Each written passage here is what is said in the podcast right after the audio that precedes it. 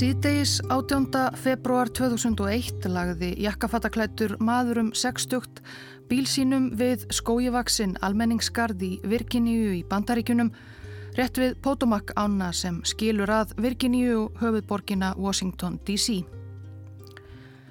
Þegar maðurinn steg út úr bílnum tók hann með sér pakka, bladabunga vafinn í svart plast. Það var enn dagsljós, klukkan var bara rétt um hálf fimm og maðurinn vissi ekki, jú kannski grunaði hann það, að hópur manna fyldist með hverju skrefi hans úr leini. Hann hjælt af stað með pakkan eftir stíg inn í skógin. Hann gekk í rúmar fjórar mínútur þar til hann komað lítilli brú yfir lækjarsprænu. Hann beigði sér niður og skorðaði pakkan undir brúni. Hann snýri svo við, bara nokkuð léttur í spori með hendur í vösum. Það var sunnudagur og konan hans var heima að hafa til sunnudagsmatinn fyrir hann og börnin. Þegar hann átti bara örf á skref eftir að bílnum sínum komu tveir svartir sendiferðabílar akandi á fullri ferð og snar bremsuðu fyrir framannan. Fjórir svartklættir menn í skotheldum vestum með þungvæpni stukku út úr bílunum og umkringdu mannin. Þetta var sérsveit bandarísku alríkislauruglunar og maðurinn sem þeir umkringdu var kollegi þeirra, alríkis lauruglumadur til aldar fjórðungs. Og hann var föðulandsveikari. Maðurinn síndi enga mótspyrnu, hann setti hendur á loft. Svo mun hann hafa spurt af hverju voruði svona lengi. Robert Philip Hansen fættist 18. april 1944 í Norwood Park útkverfi Chicago. Hann var eina barn foreldra sinna Vivian húsmóður og Howards laurglumans. En þó Robert væri enga barn fór því fjari að hann væri einhver augastinn foreldra sinna. Chicago-löggan Howard Hansen var hrikalega strangur fadir, hund skammaði svon sinn reglulega og niðurlægði, talaði ítla um hann við aðra og beitti hann jafnvel óbeldi. Allt átti þetta að herða drengin að sögn. Meira að segja þegar Robert Hansen tók bílprófið sem táningur notaði fadir hans sambönd sín í lauruglunni til að tryggja að hann fjalli í fyrstu tilraun. Drengurinn varðjú að finna til mótlætis. Robert Hansen var þó alls ekki eins glataður og föður hans fannst hann vera. Hann var ágætur nefandi og gekk vel í raungreinum. Fekk kannski ekki alveg nógu góðar engunir til að komast inn í læknisfræði en eftir útskrift úr mentaskóla skráði hann sig í tannleiknanám. En það var kannski ekki annara manna kjöftum sem hans raunvurulegi áhugi lág.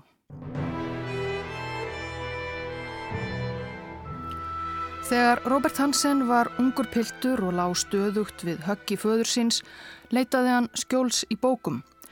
Hann las mikið en helst hafði hann áhuga á spennubókum um leinithjónustumenn og njósnara líkt og urðu móðins á árum kaldastriðsins.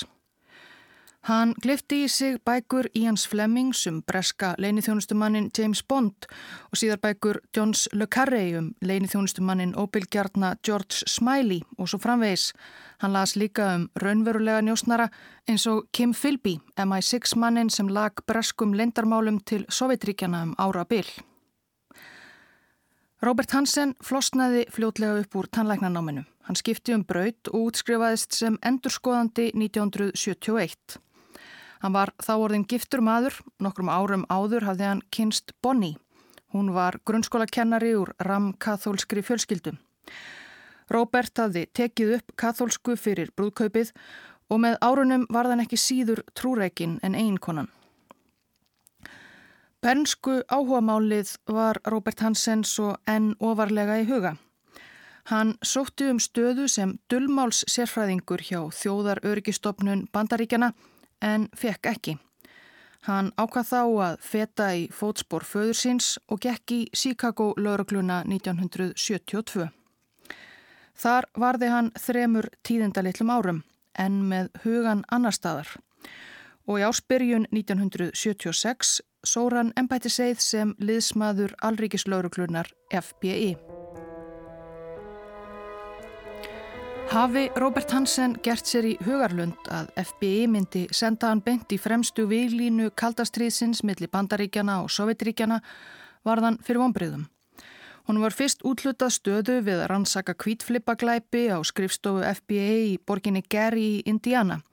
Skatt og fjársvig, ekki beint sovjeskir spæjarar og leinimakk. En 1978 var hann færður í starfi til New York og fekk loks stöðu við leinithjónustu deilt FBI þar í borg. Hann var þó enn meir og minna bara skrifstofublók. Robert var tæknigúru og tók þátt í að setja upp samrændan gagnagrunn FBI um það sem vitað var um starfsemi sovjeskra leinithjónustu stopnana í bandaríkunum. Hvaða starfsmenn sovjeska sendiráðsins væru grunaðir um að vera KGB-menn undir fölsku flaggi og svo framvegis. Eins konar sovjest njósnaratal í bandaríkunum. Robert Hansen sló ekki sérstaklega í gegn meðal samstarfsmanna. Hann þótti einrætn og leiðinlegur, hann drakk ekki, kom aldrei með á barinn og tók lítinn þátt í öðru félagslífi alríkislauruklumanna. Hann var trúaður og íhaldsamur, gekk ætið í dökkum jakkafötum jafnvel þegar reglur um klæðaburð starfsmanna FBI voru ringaðar og lauruklumenn máttu taka upp óformlegri klæðaburð. Fyrir vikið var hann uppnefndur af samstarfsmönnum, kallaður Dr. Dauði meðal annars. Hinn típiski alríkislauruklumadur átti helst að vera eins og bílasali sem aðeins treystir, ef það er mögulegt. Laureglumadur verður að geta selt sig til að vera áhrifaríkur. Maður varð að hafa góða félagsgrind. Bob hafði það ekki. Bob var furðufugl. Hann gerði aldrei neitt með okkur eftir vinnu. Hei, eigum að fara og fá okkur eitt gráan? Bob var alls ekki þannig. Vittnisspurður kollega. Hann var alltaf í skugganum eitthvað neginn. Ef það var skuggi í herbergi, settist hann þar. Hann var mjög, mjög klár. Hann var góður í greiningavinnu. Vandamálið var að hann vann ekki vel með öðrum. Hann var svo síðasti sem maður myndi bjóða með sér út í drikk. Mér fannst hann mjög einrætt. Það var alltaf eitthvað óþægilegt við hann. Hann var mjög fálátur og hlétrægur. Rakst illa í hóp, vildi alltaf króa mann af einan úti í hortni. Maður var alltaf að reyna að komast undan honum. Ef maður sá hann á ganginum í laurglustöðinni snýri maður við og reyndið að flýja. Hann var þannig náðungi. Það var dýrt að búa í New York stórborginni á launum laurglumanns. Robert Hansen og Bonnie egnuðust fimm börn og leiðu sér alls ekki mikinn munað. Robert vildi annað og meira, meiri peninga og meiri spennu. Og ekki svo lengu eftir að hann hóf störfi New York fór hugur hans að kvartla til spæjarabóka unglingsárana til manna eins og söguhetju Johns le Carré, George Smiley sem var ómerkilegur og leiðinlegur karl á yfirborðinu en í raun og veru meistara spæjari.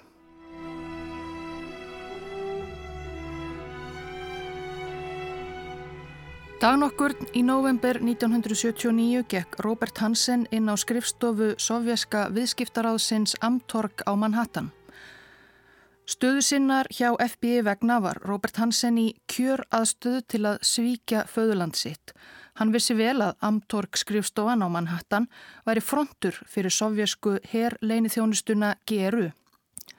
Hansen nálgæðist starfsmann sem hann vissi sömulegis vel að væri leini þjónustumadur og bauð fram þjónustu sína. Robert Hansen var ekki kommunisti eða mótfallin stefnu bandaríkjana á annan hátt eins og nokkrir þeirra sem sviku bandaríkin í kaldastriðinu. Hann hjátaði síðar meir að hans helsta ástæða hefði verið peningaleg. Í kjölfar fundarins á Manhattan seldi Robert Hansen rúsunum að var verðmætt lendarmál frá dýrmætasta heimildarmanni bandaríkjana innan Geru, njóstnara sem hafi dullnefnið Topphatt, pípuhattur innan FBI og hafið þarna lekið upplýsingum úr efsta lægi Geru í 17 ár. Pípuhatturinn var, vissi Hansen úr gagnagrunni sínum, Dimitri Fjodorovits Poljakov, hersöðingi og yfirmaður í Geru. Hansen sendi Geru einnig upplýsingar um sovjetmenn í bandaríkunum sem FBI grunaði um græsku og fleiri upplýsingar og fekk í staðin nokkra 20.000 dollara. Hann var í sambandi við umsjónarmann sinn hjá Geru í gegnum kóðaðar útvarsendingar, Hansen hafi verið radioamatör í æsku og breyfaskriftir. Þannig gaf hann upp með dulmáli stað og tíma þar sem og þegar hann faldi gögn handa sovjetmönnunum og fekk í staðin stað og tíma sem hann átti að sækja greiðsluna.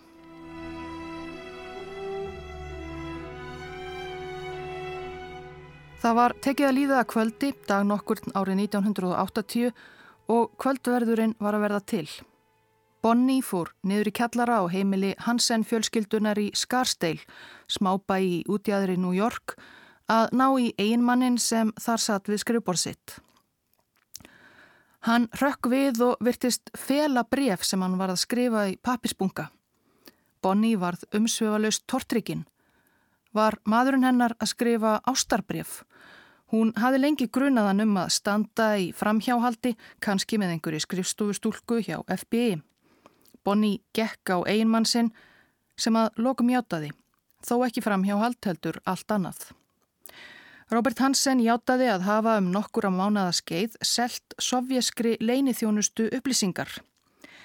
Hann sagði reyndar Bonnie að honum hefði tekist að gappa geru. Upplýsingarnar sem hann sendi þeim hefði verið ómerkilegar og gagslausar. En Bonnie Hansen var samt ekki skemmt. Hún var stór neyksluð og þó að Robert lofaði bót og betrun krafðist hún þess að hann skriftaði hjá kathólskum sóknarpresti fjölskyldunar. Sera Robert Bucciarelli, prestur í Scarsdale, hafði heyrt ímislegt á löngum ferli. Fátt þó eins og söguna sem Robert Hansen sagði honum í skriftaklefanum nokkrum dögum síðar. Eflaust bjóstan við að Hansen væri komin til hans að játa hjúskaparsindir en ekki njóstnir og föðlandsvik. Sér að Bútsjærelli saði Róbert að yðrast synda sinna, gefa ágóðan frá sovjetmönnum til góðgerðarmála og segja yfirmönnum sínum frá FBI frá. Það fór hrollur um Hansen. Hann myndi missa vinnuna hjá alrikislauruglunni og gott ef hann er ekki sóttur til saka fyrir njóstnir og landráð, fangjalsaður eða það hann að verra. En hann vildi samt hlýða orðum klerksins. Hann var reyðbúinn að halda á fund yfirbóðara sinna og játa á sig njósnirnar en svo ringdi sér að bútt sér í hann. Hann hafi skipt um skoðun. Það myndi ekki gagnast neinum ef hann lendi í fangelsi frá konu og fimm börnum. Hann ætti að gefa sovjetpenningana, eitthvað um 30.000 dollara, til góðgerðastofnunar kirkjunar, yðrast og gera þetta svo aldrei aftur. Robert Hansen fjálst á þetta. Robert Hansen stóð við orðsín, hann gaf peningana eða hluta þeirra allavega og hætti öllum samskiptum við sovjísku leinithjónustuna. 1983 var hann fluttur yfir í sovjet greiningardeildina í höfðustöðum FBI í Washington en það var skamgóður vermir. 85 var fjölskyldan afturkominn til New York með tilheyrandi kostnaði. Robert hafi þá starfað fyrir FBI í sjö ár Hann var þekktur sem sérfræðingur í tölvukerfum lauruglunar og ímiskonar eftirlitstækni en var þá ekki beint á fljúandi ferð innan stopnunarinnar. Hann var almennt ítla liðinn af kollegum sínum, doktor Dauði klættist enn bara dökkum jakkafötum, einhverjir kölluðan líka útfarastjóran og hann blandaði sjaldan geði við aðra og þótti ekki hafa neina sérstaka leðtóahæfileika. Bandaríska pressan kallaði árið 1985 ár njósnarans. Njósnarar og svikarar voru sífælt í fréttum. Bara á þessu eina ári voru 11 bandaríkjaman handteknir fyrir að njósna fyrir Erlend ríki. Robert Hansen fyldist að sjálfsögðu með þessum málum. Samt sem áður ákvaðan einhver tíman á njósna árinu mikla 85 að ganga á bak orða sinna við eiginkonuna og prestin og taka aftur upp njósnaþráðin. Aftur vissi Hansen nákvæmlega hvert hann ætti að leita. Til að hilja slóð sína ákvað hann að fara ekki aftur til herleini þjónustunar Geru heldur helsta keppinautarins KGB. Hann vissi hver var helsti maður KGB í Washingtonborg, Viktor Ivanovits Tjerkasín. Sprengjan fjall á venjulegum mildum haustegi í Washington. Tjerkasín ritaði síðar endurminningar um samskipti sínu við bandaríska njósnara þar á meðal Hansen og myndist þess þegar hann fekk fyrstu sendinguna. Það var ekkert í brefinu sem gaf til kynna hver hefði sendað en brefréttari vissi greinilega ímislegt um starfsætti KGB. Að hann stílaði umslægið á mig gaf til kynna að hann vissi hver var hvað innan þjónustunar. Í þögn opnaði ég þetta stórmerkilega bref sem átti eftir að ásækja og smána verndara bandarísks þjóðar öryggis. Kæri herra Þjarskasín, hófst brefið, velritað. Brátt mun ég senda þér kassa með skjölum. Þau tilhera einhverjum viðkvæmustu og leinilegustu verkefnum bandarísku leinithjónustunar. Öll eru þau frumrit til að auðveldra sig að sannreina þau. Hverki kom fram hver rítari brefsins væri eða nákvæmlega í hvaða eða hvernig stöðu en þegar Tjerkasín helt áfram lestri var þónum ljóst að þetta var ekkert gapp og sá er skrifaði greinilega einhver sem bjóði yfir yfirgrifsmikilli leinilegri þekkingu. Brefið helt nefnilega áfram Hinn naflausi brefritari let fylgja nöfn þryggja KGB manna sem njóstnudu fyrir bandaríkin, Boris Júsín, Valeri Martinov og Sergei Motorin, sem og frekari upplýsingar um leinilegt eftirlit FBI með sovitmönnum.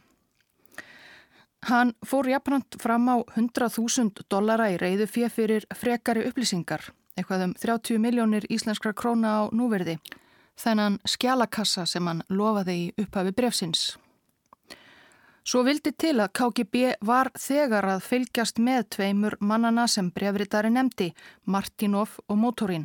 Annar bandarískur svikari, Aldrich Ames, starfsmæður leinithjónustunnar CIA, hafði selt KGB nöfn þeirra aðeins örfa á mánuðum fyrr. Tjerkasín var einmitt sá sem annaðist samskiptin við Ames sem varð afar afkastamikill njósnari og dældi lendarmálum til Sovjetríkjana um ára byll. Og nú virtist Tjerkasín vera að fá annan álíka happafeng inn á sitt borð. Hann trúði þessu varla. Þetta virtist of gott til að vera satt. Mikilvægasta spurningin var hvort að tilbóði var í alvöru eða tilrönd til að egna gildru fyrir KGB með gagnjósnara. Bara að fá eims á okkar band var nógu mikil velgengni fyrir allan starfsfyril minn hjá KGB. Að fá bref af þessu tægi bara sex mánuðum síðar, var geysilega ólíklegt. En það að nöfn Martinovs og Motorins væri nú nefnd í annað sinn í tengslum við njóstnir fyrir bandaríkin döði til. Mennirnir tveir voru handteknir ekki lungu eftir þetta og fluttir til Moskvu þar sem þeir voru dæmdir fyrir landráð og teknir af lífi. Tíu dögum eftir að fyrsta brefið barst Viktori Tjerkasín kom önnur sending, skjálakassin sem brefritarinn hafi lofað með ýmsum leinilegum skjölum. KGB bárust einnig leiðbenningar um hvar og hvena rætti að skilja eftir greiðsluna sem brefritari fór fram á. Staður. Skiljið pakka ykkar til mín eftir undir göngubrúni rétt vestur að inganginum í Nottaway Park. Það var lítill almenningsgarður í útkverfi Washington, Virginia Main, ekki langt þar frá sem Robert Hansen og fjölskylda höfðu búið raunar. Undibúningur, noti grænan eða brúnan plastrustlaboka og hiljið pakkan með rustli. Merki. Merkin verða á skiltinu við gangbröðina, rétt vestur af aðalinganginum í gardin við Old Courthouse Road. Næri brúni sem ég myndist á áðan. Merkið mitt til ykkar, eitt lóðrætt streik með kvítu límbandi þýðir að ég sé reyðubúin að taka við pakka ykkar. Ykkar merkið til mín, eitt lárætt streik með kvítu límbandi þýðir að pakkin sé á sínum stað. Vitaskuld var það Robert Hansen sem sendi KGB þessar sendingar. Hann hafi lært ímislegt á þeim sex árum sem voru liðin síðan hann seldi sávitmönnum síðast leinilegar upplýsingar um hvernig hann geti komið í vekk fyrir að upp um hann kæmist. Hann skrifaði brefin til dæmis ekki lengur heima í kjallaranum fyrir fram að nefið á Bonni, heldur í bílnum sínum. Hann notaðis líka við gamaldags tækni og skipulag eins og að skilja pakka og bref eftir á umsömdum felustöðum og merkja sendingar í borgarlandslæginu. Hansen vissi mæta vel að FBI gatt auðveldlega hlerað síma og hannur rafræn samskipti. Það var jú hans steilt. Takk fyrir 50.000. Hvað peninga varðar hef ég litla þörfið að nót fyrir meira en 100.000. Það gerir málinn bara erfiðari þar sem ég get ekki eitt peningunum geimt á eða fjárfest auðveldlega án þess að viðvöruna bjöllur ringi. Kanski frekar demanta, fyrir fjárhagslegt öryggi barna minna og velvilja ykkar svo að þegar sá tími kemur takiti við mér sem gestakennara. Bref Hansens sem hafi tekið upp dullnefnið Ramón García til KGB í mars 1986. Hann hafði þá sendt KGB upplýsingar með reglulegu millibili í rúmt hálft ár og haft mikið upp úr krafsinu, næstum of mikið. Hansen hefur ánefa vitað að í árana rásöðu all nokkrir njósnarar fyrst vakið grunnsemdir fyrir að lifa um efni fram á peningum frá ofinninum. Hann skildi ekki gera þau mistök. Hann vissi líka að hann gæti ekki haldið þessu áfram endalust. Að lokum myndi ég kunna að meta einhvers konar flótta áætlun. Ekkert varir að eilífu.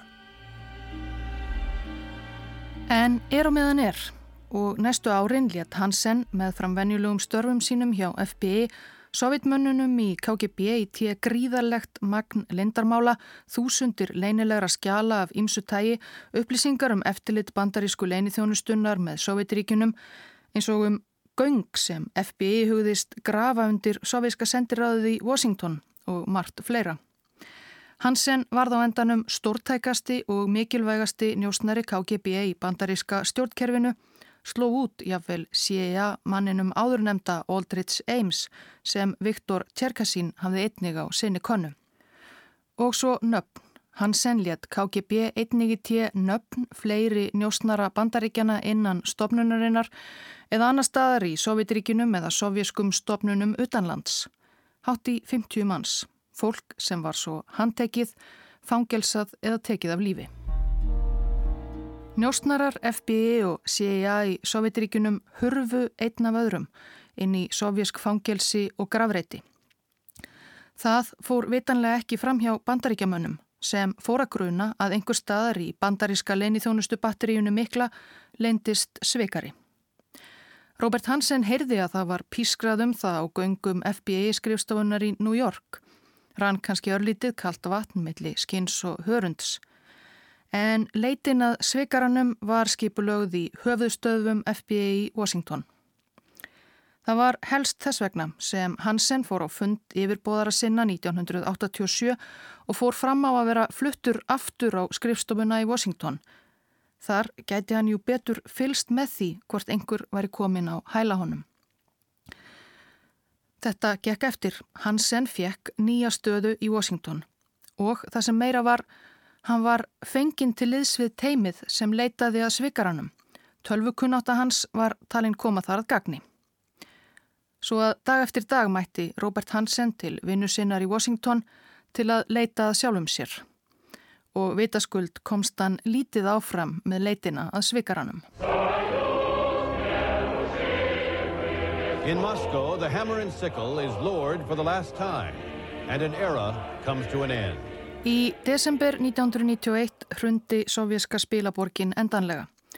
Í þeim kurvilbil sleit Hansen allt samband við tengiliði sína hjá KGB, hætti ekki á að það kæmist uppumann einhvern veginn. Hann hafði sloppið hinga til, skilaði á endanum skýrslu til yfirbóðara sinna um að öll gögn bentu til að svikaran væri að finna í CIA en ekki FBI og reglulega leitaði hann að eigin nafni í tölvukerfi alríkislauruglunar til að sjá hvort einhver staðar væri hann til rannsóknar. Þó var ekki svo að hann gerði aldrei mistök. Leinimakkið var farið að hafa áhrif á hann.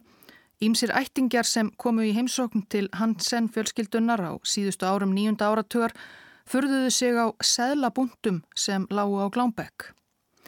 Máur Hansens sem einnig var í FBI Létt meira að segja alríkislaurugluna vita, fannst seðlabúndin grunnsamleg, en svo ábending týndist einhvern veginn í kerfinu, alltaf slapp Hansen.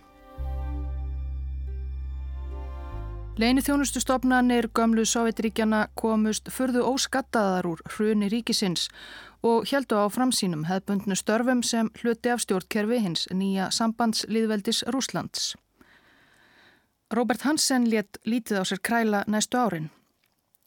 Hann var fluttur aftur í starfi til New York, var loksins komin með ágæta yfirmannstöðu en sá ekki fram á frekari frama innan alríkislauruklunar. Væri maður á alvöru framabraut var manni haldið í Washington og hann held áfram að slá eigin nafni reglulega upp í kerfinu til öryggis ekkert. CIA svikarinn Aldrich Ames var handtekinn 1994 eftir langan og stórtækan njósnaferil. Grunnsemdir höfðu kviknað hjá kollegumans meðal annars vegna þess að hann á rétt bærilegum CIA-launum gætt kipt sér dýran jaguar og klæðskera sniðin jakkafött og látið taka allt húsið sitt í gegn. 1995 fekk Robert Hansen nýja stöðu sem tengiliður millir FBI og bandaríska utaríkisráðuneytisins. Ekki sérlega spennandi kannski en fól í sér að fjölskyldan flutti enn á ný í útkverfi Washington. Allt fjall í ljúfa löð þar til Hansen ákvaðlokksins af einhverjum ástæðum að láta aftur til skarar skrýða. Haustið 1999 hafði njóstnarinn sem eitt sinn kallaði sig Ramón García samband við rúsnensku leinithjónustustofnunina SVFR, aðra af tveimur arftökum KGB í rúsnenska sambandsliðveldinu. SVFR sinnir utaríkismálum, hinn allræmda FSB sérum innanríkismálinn. En um leið og Hansen var að taka fyrstu skrefin að sínu þriðja njósnatímabili var einning að hefjast ný leit að svikara innan raða FBI og CIA. Þegar Aldrich Ames var handekinn töldu flestir að þar væri hinn eini sanni svikari komin, CIA maður, alveg eins og skýrsla Hansens hafi fullirt um árið. En við nánari aðtugun á máli Ames kom í ljós að ímsum upplýsingum og nöfnum sem vitað var að Sovjetríkin höfðu komist yfir hefði Ames ómögulega geta búið yfir. Það virtist vera sem svikararnir hefðu verið tveir að störfum á sama tíma. Það var ljóst meðal annars að einhver hafi lekið áformum FBI um gangnagröft undir sendir að sovjetmanna í Washington en Ames gæti ekki hafa vitað af þeim þar sem hann var þá staðsettur á skrifstofu CIA í Róm.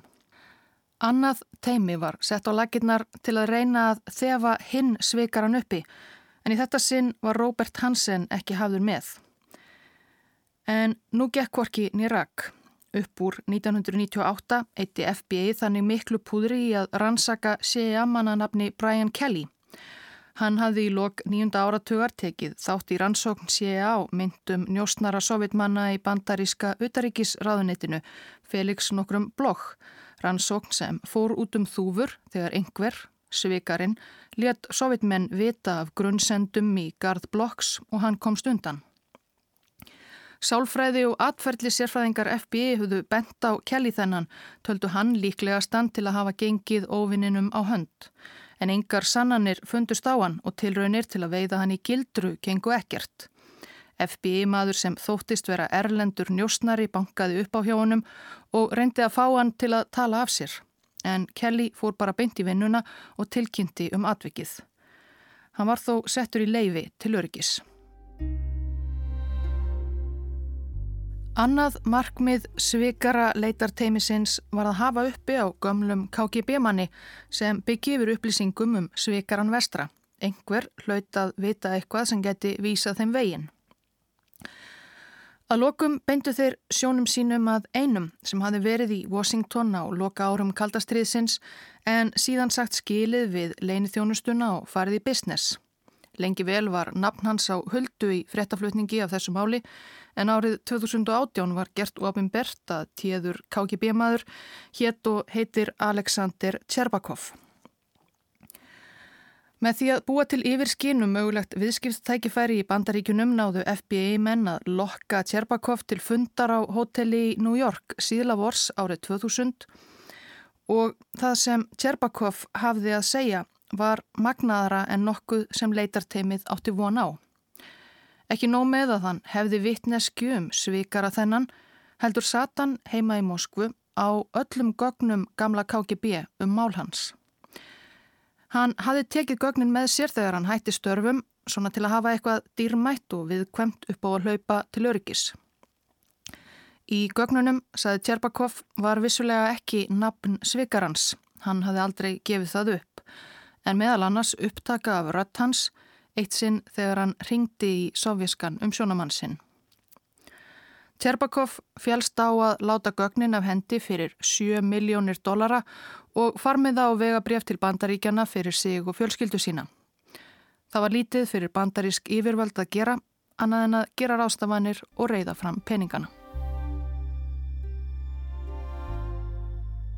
Í november 2000 var pakkin kominn frá Moskvu í höfðustöðvar FBI í Washington. Þetta voru allt í allt gögn sem fyllt hefðu miðlungstóra skjálatösku, pappýrar og talsvert af gamaldags floppydiskum. Þetta voru brefin sem svikarinn hafi skrifað sovjetmönnum árum saman og svör sem hann hafi fengið og langir listar yfir öll þau gögn sem hann hafi selt sovjetmönnum, nöfn annara njóstnara sem hann hafi gefið upp, fólk sem síðar hafi verið tekið af lífi. Og svo var spóla með upptöku af hluta samtals sem áttaði sér stað í síma 21. júli 1986. Njósnarin sem kallaði sig Ramón García hafði þá ringt í KGB-mannin Alexander Fefelov úr tíkallasíma til að gefa upplýsingar um næstu skref í einhverju sendingunni og Fefelov tekið upp hluta síntalsins. Þeir töluðu á dulmáli og þóttust ræða um sölu á notuðum bíl ekki kannski sérlega samfærandi þó. Á morgun? Já, uh, bílinn stendur enn til bóða og eins og við sættumst á síðast er ég búin að græja alla pappira og skildi þá eftir á sama stað. Ég skil. En, engar áhyggjur, það er allt í góðu. Ég er með pappirana. Gott mál. Ég held að á þessari stundu sé engin þörf á að gera nokkrar breytingar á stað og stund. Við erum áræðanlegt fyrirtæki og tilbúin að gefa þér talsverðan afslátt. Þetta mun allt standa í skjólanum. Þetta ætti að vera í fínu lagi og ég þakka að kella.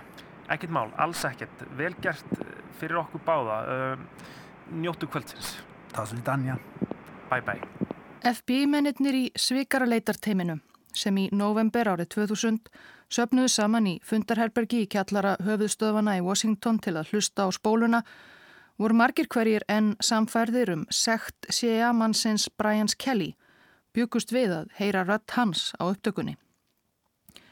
En það var ekki Kelly, það var fljóttljóst. FBI-maðurinn Michael Wakesback. Ég lustaði og ég sagði, ég þekki þessa rött, ég þekki talandan. Ég þekki röttina en ég veit bara ekki hverjum hún tilherir. Hún hljómar mjög kunnulega. En við vorum enni í myrkrinu með þetta þegar við hættum þennan daginn. Ramón García gaf í breyfaskriftum sínum aldrei upp nafn sitt nýja hvar í bandarísku stjórnkerfi hann starfaði. En hann talaði þó oft nokkuð fjálglega við umsjónamenn sína. Eitt sem vakti aðtegli teimisins í höfustöðum var að tvi svarvitnaði Ramón García í bandaríska setni heimstyrjaldar hersöðingjan General Patton. Þá rámaði einn í teiminu í að hafa unnið með manni sem notaði sömu tilvitnun í Patton. Þeir fóru aftur í upptökuna. Við fórum aftur og hlustuðum og í þetta skiptið þekkti hann. Þetta var Bob Hansen. Ég sagði, Guðminn góður, þetta er hann. Í gögnunum frá KGB-manninum var einnig venjulegur svartur ruslapóki. Í þessum ruslapoka hafði Ramón García eitt sinn afhengt sovjetmönnum leinileg gögn. FBI leitaði fingrafara á pókanum og jú, þau tilherðu Robert Hansen. Það varðað farað öllu með ítrustu leint. Undir engum kringumstæðum mátti Hansen fá veður af því að hans eigin kollegar væru loksins komnir á slóðhans. En til að auðvelda eftirlitið var ákveðið að veita Hansen stöðuhækkun. Michael Wakespack, sáir hafði þekkt rött hans á upptökunni, kallaði Hansen á sinn fundi í desember 2000. Wakespack virtist Hansen nokkuð tauga ástyrkur á fundinum En engin ástæða var til. Gleði tíðindi, Hansen var að fá nýja stöðu sem yfir maður öryggismála í hugbúnaðar þróunardelt FBI í höfustöðunum í Washington. Hansen var kampakátur. Loksins eftir 25 ári í alríkislauruklunni að nálgast eftirlaunaaldur 57 ára var hann metin að verleikum og fekk það sem hann átti skilið. Hann hófað undirbúa flutninga aftur í höfustöðvar en um leið hjælt hann áfram öðrum starfa. Hann var enni sambandi við SVFR, arftaka KGB. Robert Hansen hóf störfi höfðustöðunum í Washington í janúar 2001. Staðan hafi verið búin til sérstaklega fyrir hann og passaði upp á að hann fengi engin ábyrðar mikil verkefni eða aðgangað viðkvæmum upplýsingum. Hann fekk sína eigin enga skrifstofu Loksins hugsaði Hansen löngu leiður á opnum vinnurýmum þar sem búið var að koma fyrir leinilegum myndavílum og hljóðnemum. Sérstakt teimi á annari hæði sömu byggingu fyldist með öllu sem hann gerði líka í vinnutörfunni. Hann helt áfram að slá reglulega upp eigin nafni til að kannakort einhver væri á slóðans en svikara leitar teimið hafði passað upp á að halda málinu alfarið utan kervisins. FBI hafði líka fest kaup á húsinu við hliðina á heimili Hansen fjölskyldunar svo alrikislauruglu menn getur fylst með hverju skrefi hans. Reglulega ógan fram hjá almenningsgardi Foxstone Park í Vienna bæjarfélagi hinum einn við Potomac ána frá Washington. Það var þar sem hann átti samskipti sín við SVFR. Gögn setti hann í ruslapoka og faldi undir lítilli brú í gardinum. Ef eitthvað var að finna á leinistanum setti hann lítinn kvítan limbandsbút og skildi við ingangin.